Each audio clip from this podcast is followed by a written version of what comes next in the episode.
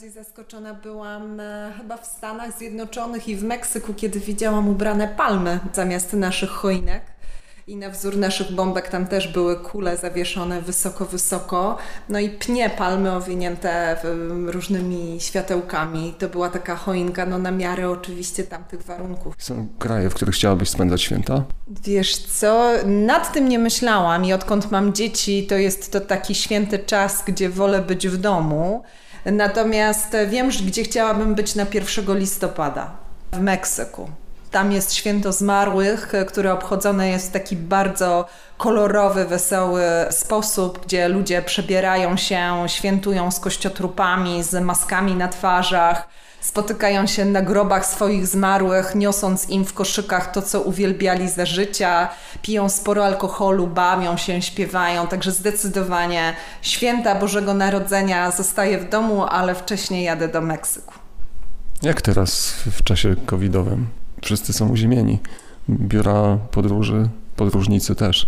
Jesteśmy uziemieni, aczkolwiek nauczyliśmy się planować podróże troszeczkę inaczej. Obserwujemy pojawiające się wiadomości o nowych, otwartych granicach. Jak tylko jest zielone światło, to wokół tego staramy się od razu organizować jakiś pomysł na wyjazd. Właśnie dzisiaj startuje pierwsza czwórka do Namibii. Podglądam zegar, bo o godzinie 14 wylatują z Amsterdamu.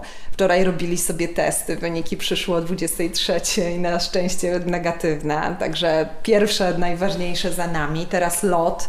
Dwie przesiadki po drodze. Nikt tak naprawdę nie wie, jakie dokumenty są wymagane. Czy te testy trzeba będzie ponawiać na powrocie? Jak wyglądają w tej chwili loty i lotniska?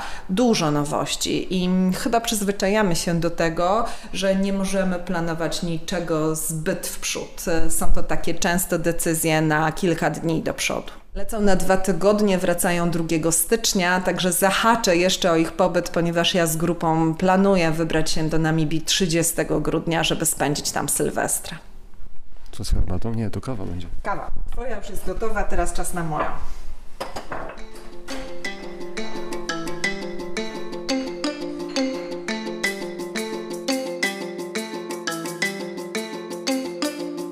Jeśli mówisz o świętach Bożego Narodzenia, to ja nie lubię wyjeżdżać w tym czasie, wolę być w domu. Natomiast choćby przed rokiem byłam w Etiopii i wydawało mi się, że wiem o tym święcie wszystko.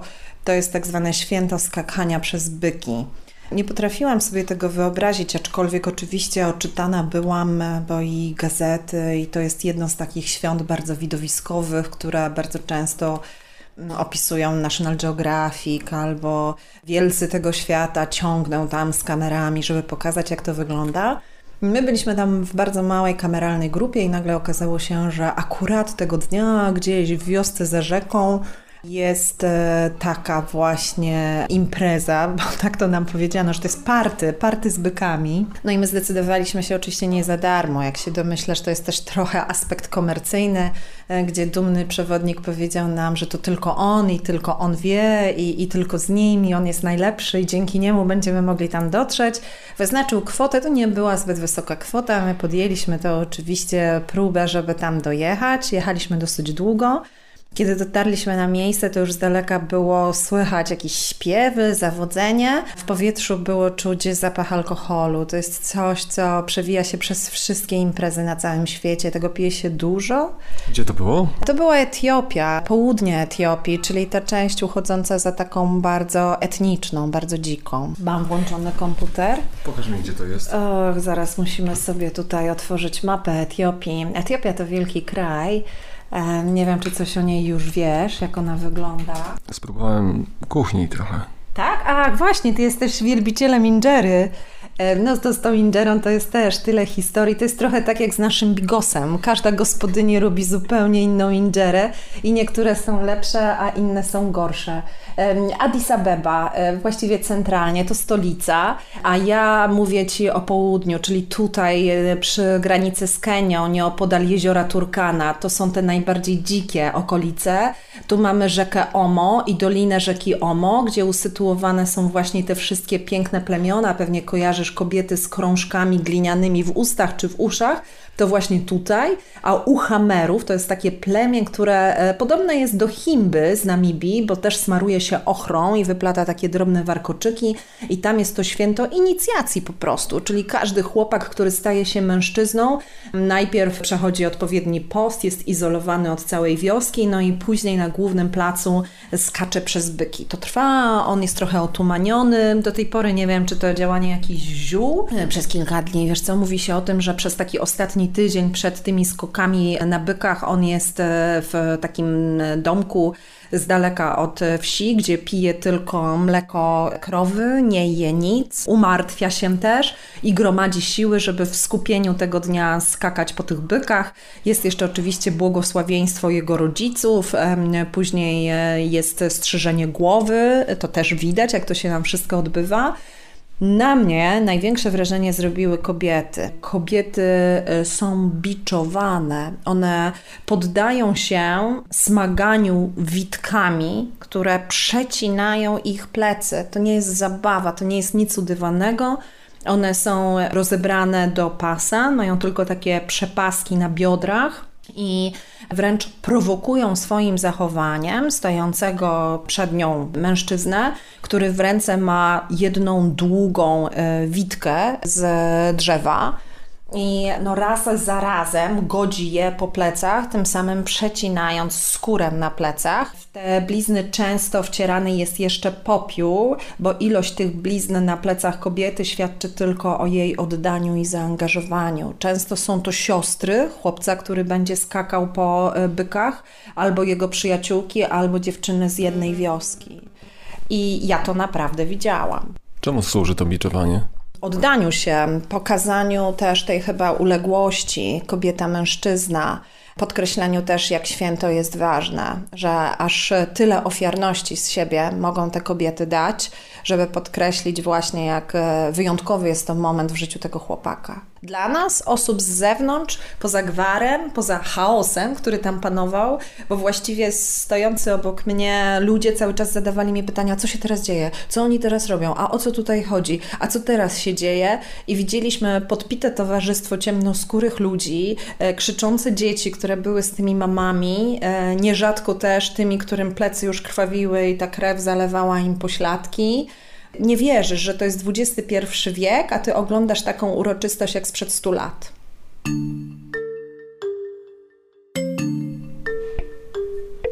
Wszystko jest autentyczne? E, wiesz co, ta uroczystość była autentyczna, natomiast nie byliśmy jedynymi turystami, czyli wieść o tym, że coś takiego się dzieje, to nie była tylko limitowana informacja dla naszego przewodnika, który zgarnął trochę kasy, tylko wiedzieli też o tym inni przewodnicy i te grupy, które akurat tego dnia były w tej miejscowości i skorzystały z zaproszenia i położyły trochę pieniędzy, mogły to zobaczyć.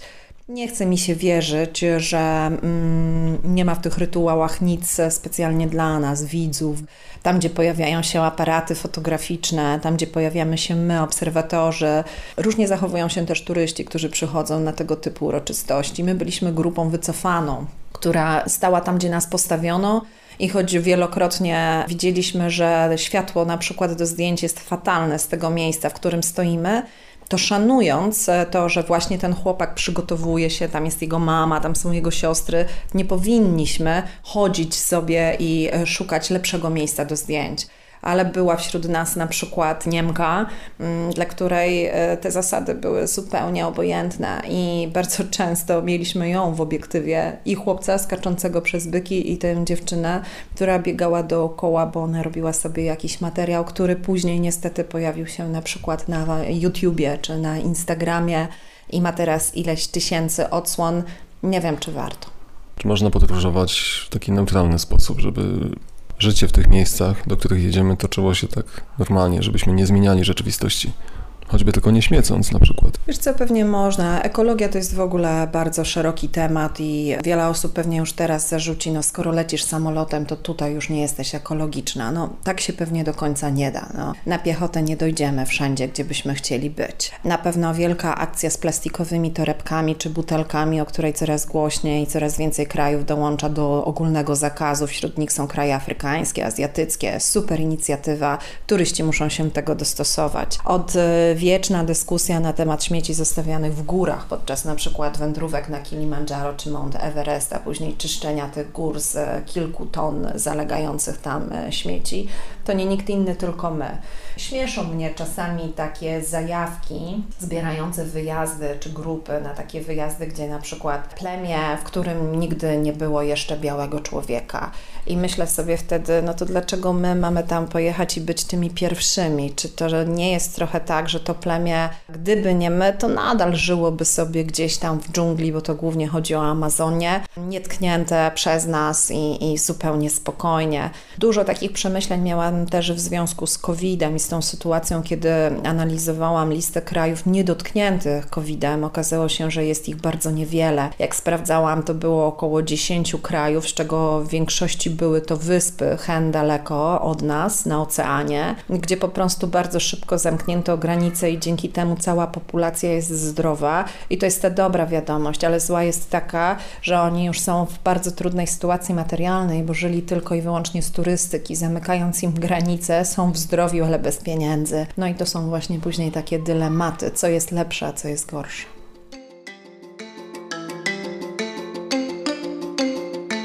Jak tęsknić za wyjazdami, żeby, żeby przeżyć ten lockdown? Nie potrafię braku tych wyjazdów takich na żywo zastąpić sobie niczym. Próbowałam przez kilka miesięcy odgrzewać na przykład wspomnienia, sięgać do zdjęć, przygotowywać relacje, robić live'y z osobami, które opowiadały o różnych krajach. To było wspólne gotowanie na ekranie. Mam wrażenie, że tych pomysłów było tak dużo. Wiele z nich zbliżyło mnie może do pobytu w jednym czy drugim kraju, ale żaden z nich nie był w stanie mi tego zastąpić. I pewnie tak jak większość osób przebieram teraz nogami i oceniam ryzyko, szukając tego dobrego dobrego momentu, żeby bezpiecznie móc wyjechać za granicę.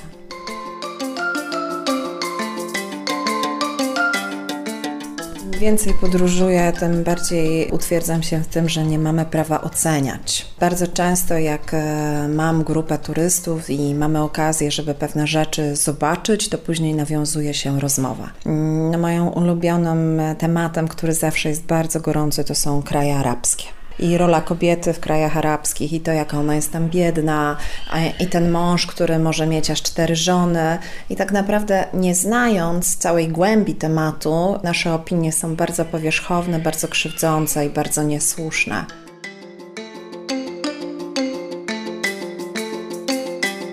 Znowu wracam do tej Etiopii, chcąc opowiedzieć taki przykład Zatrzymaliśmy się na południu w niezbyt dobrych warunkach. Nie było ciepłej wody, nie było światła, cały czas biegaliśmy i takim patykiem musieliśmy włączać główny włącznik prądu, bo nam światło wywalało. Jak tylko więcej niż trzy pokoje włączały u siebie oświetlenie, to była naga, goła żarówka gdzieś tam na suficie.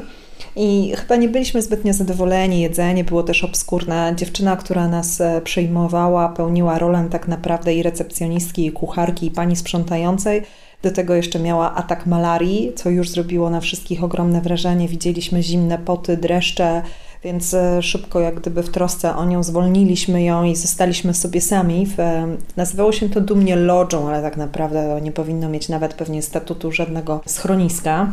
I pamiętam jak dziś, Diametralnie wszyscy zmienili podejście do tego miejsca, kiedy następnego dnia rano przy śniadaniu dołączył do nas właściciel tego miejsca, nauczyciel geografii, który uczył w szkole, marzył o tym, żeby uczyć geografii, ale ponieważ był jedynym nauczycielem, a do szkoły chodziły wszystkie dzieci do jednej klasy bez względu na wiek i płeć, to tak naprawdę uczył ich wszystkiego z naciskiem na czytanie, pisanie i liczenie i nie godził się już jako młody człowiek z jednym ze zwyczajów panujących akurat w tym regionie wśród Hamerów. Każde nowonarodzone dziecko obserwowano i kiedy wyrastały pierwsze zęby, nie po tej stronie co trzeba, czyli najpierw wyrastały na górze, a nie na dole, takie dziecko uznawano za dziecko przeklęte, wyklęte, którego trzeba było się pozbyć do dzisiaj wielkiej tajemnicy, aczkolwiek nie jest to zabronione ani nielegalne, te dzieci nagle znikają.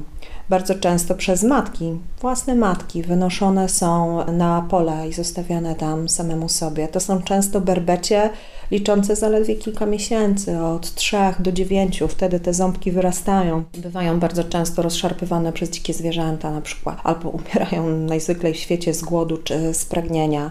Kiedy usłyszeliśmy tę historię z ust tego mężczyzny, nie bardzo wiedzieliśmy, do czego to przypiąć. Śniadanie nam już wtedy w ogóle nie smakowało, kawa stygła w kubkach, a on powiedział, że to była jego misja życiowa i kiedy był już na tyle silny, to udał się do Stanów Zjednoczonych, zapracował na bilet lotniczy, żeby tam zdobyć środki, wrócił, wybudował te domki, tylko na takie było go stać i założył fundację. I dzięki tej fundacji ma kilku swoich zwiadowców w okolicznych wioskach, którzy jak tylko coś takiego się kroi, to znaczy, że widzi, iż jest dziecko, któremu te ząbki wyrastają nie po tej stronie, po której powinny, to odbiera jej od matki. Bardzo często wiąże się to też z wykupieniem takiego dziecka od tej matki.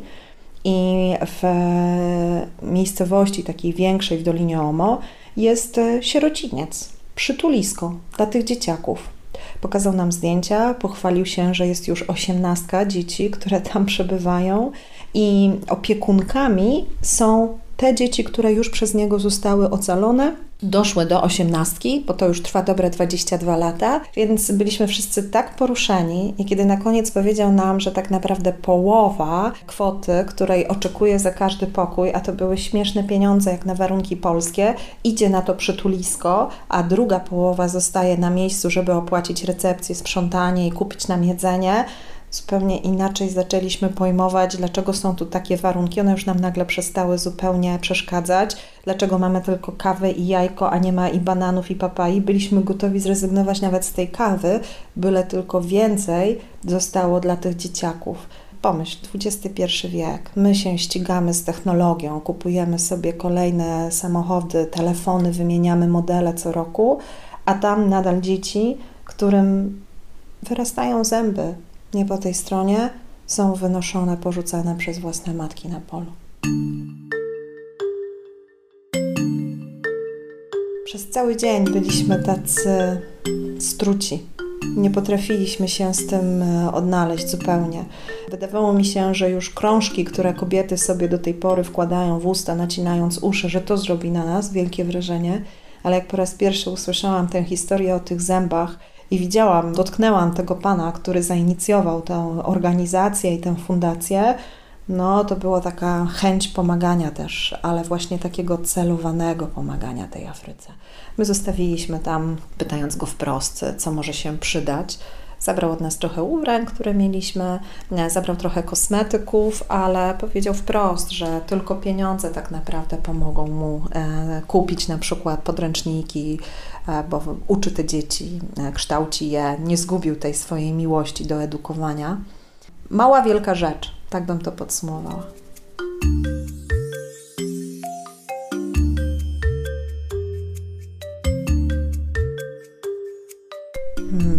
Prezentami jest w ogóle ciężko. Prezenty muszą sprawiać frajdę i przyjemność. Myślę, że najbardziej trafione prezenty to te, które są zaskakujące. Dwa lata temu miałam możliwość zorganizowania wyjazdu zupełnie non-profit z poznańskiej szkoły, Piątkowska Szkoła Społeczna, której patronką jest pani doktor Wanda Błańska do Ugandy. To był program, który objął pięć dziewcząt, akurat same dziewczynki zgłosiły się do tego wyjazdu pod opieką rodziców, byli w tej Ugandzie i w pewnym momencie, bo to była część tego projektu, zaprosiliśmy do wspólnego podróżowania po Ugandzie pięć dziewczynek z jednej ze szkół z Kampali. To były miejscowe dziewczynki, które podobnie jak nasze uczennice po raz pierwszy w życiu widziały zebrę, żyrafę i lwa. Mimo tego, że żyły w Ugandzie od 14-15 lat, nigdy ich rodziców nie stać było na to, żeby zabrać do Parku Narodowego i pokazać dzikie zwierzęta. Spędziły ze sobą 5 dni, całkiem dobrze mówiły po angielsku, język angielski jest w Ugandzie językiem urzędowym. Była fajna relacja między naszymi dziewczynkami a miejscowymi dziewczynkami. W sumie to nie przetrwało. Okazało się zbyt e, wielką różnicą, zbyt jak gdyby wielkim rozłamem pomiędzy tym światem afrykańskim i polskim, ale nie o tym chciałam powiedzieć. Na koniec, kiedy się dziewczynki rozstawały, to nasze przekazały tamtym dziewczynkom drobiazgi, które same zrobiły, koraliki, bransoletki, mapę Poznania, jakieś rzeczy z naszej szkoły. Natomiast tamte, i to było widać, kiedy one niosły te małe takie zawiniątka w rękach, trzymając za plecami, dla nich to był jakiś wyjątkowy prezent, coś, co miało ogromną wartość. Ja znam tę historię tylko z przekazu z zewnątrz, bo tam nie byłam. To były jabłka. W Ugandzie nie ma jabłek. To jest bardzo drogi owoc. I taki właśnie owoc każda z naszych polskich dziewczynek dostała w prezencie od Ugandyjek, co naraziło rodzinę na pokaźny koszt, a do tego jeszcze w ich oczach było czymś wyjątkowym.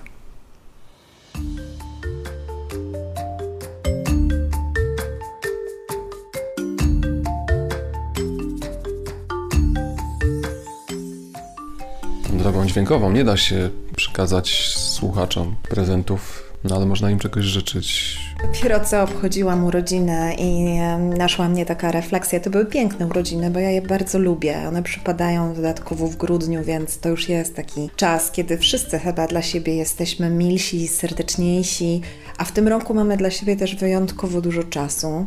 E, tych życzeń było bardzo dużo i pamiętam jeszcze, jak zawsze odbierałam e, rzesze telefonów, kartek, maili z życzeniami, obym mniej pracowała, żebym więcej czasu miała dla swoich dzieci. Nie pracuj aż tyle, odpocznij, gonisz, pędzisz, a tu życie mija. A w tym roku nie było osoby, która nie odniosłaby się do sytuacji, obyś jak najszybciej mogła ruszyć w świat, oby granice już były otwarte, oby wszystko wróciło do normalności. Dziewczyno, niech świat stoi dla ciebie otworem. I tego życzę też e, naszym słuchaczom bo chyba w każdym jest e, chęć podróżowania i pewnie tych podróży dalekich czy bliskich, ale każdy z nas lubi i ceni sobie wolność.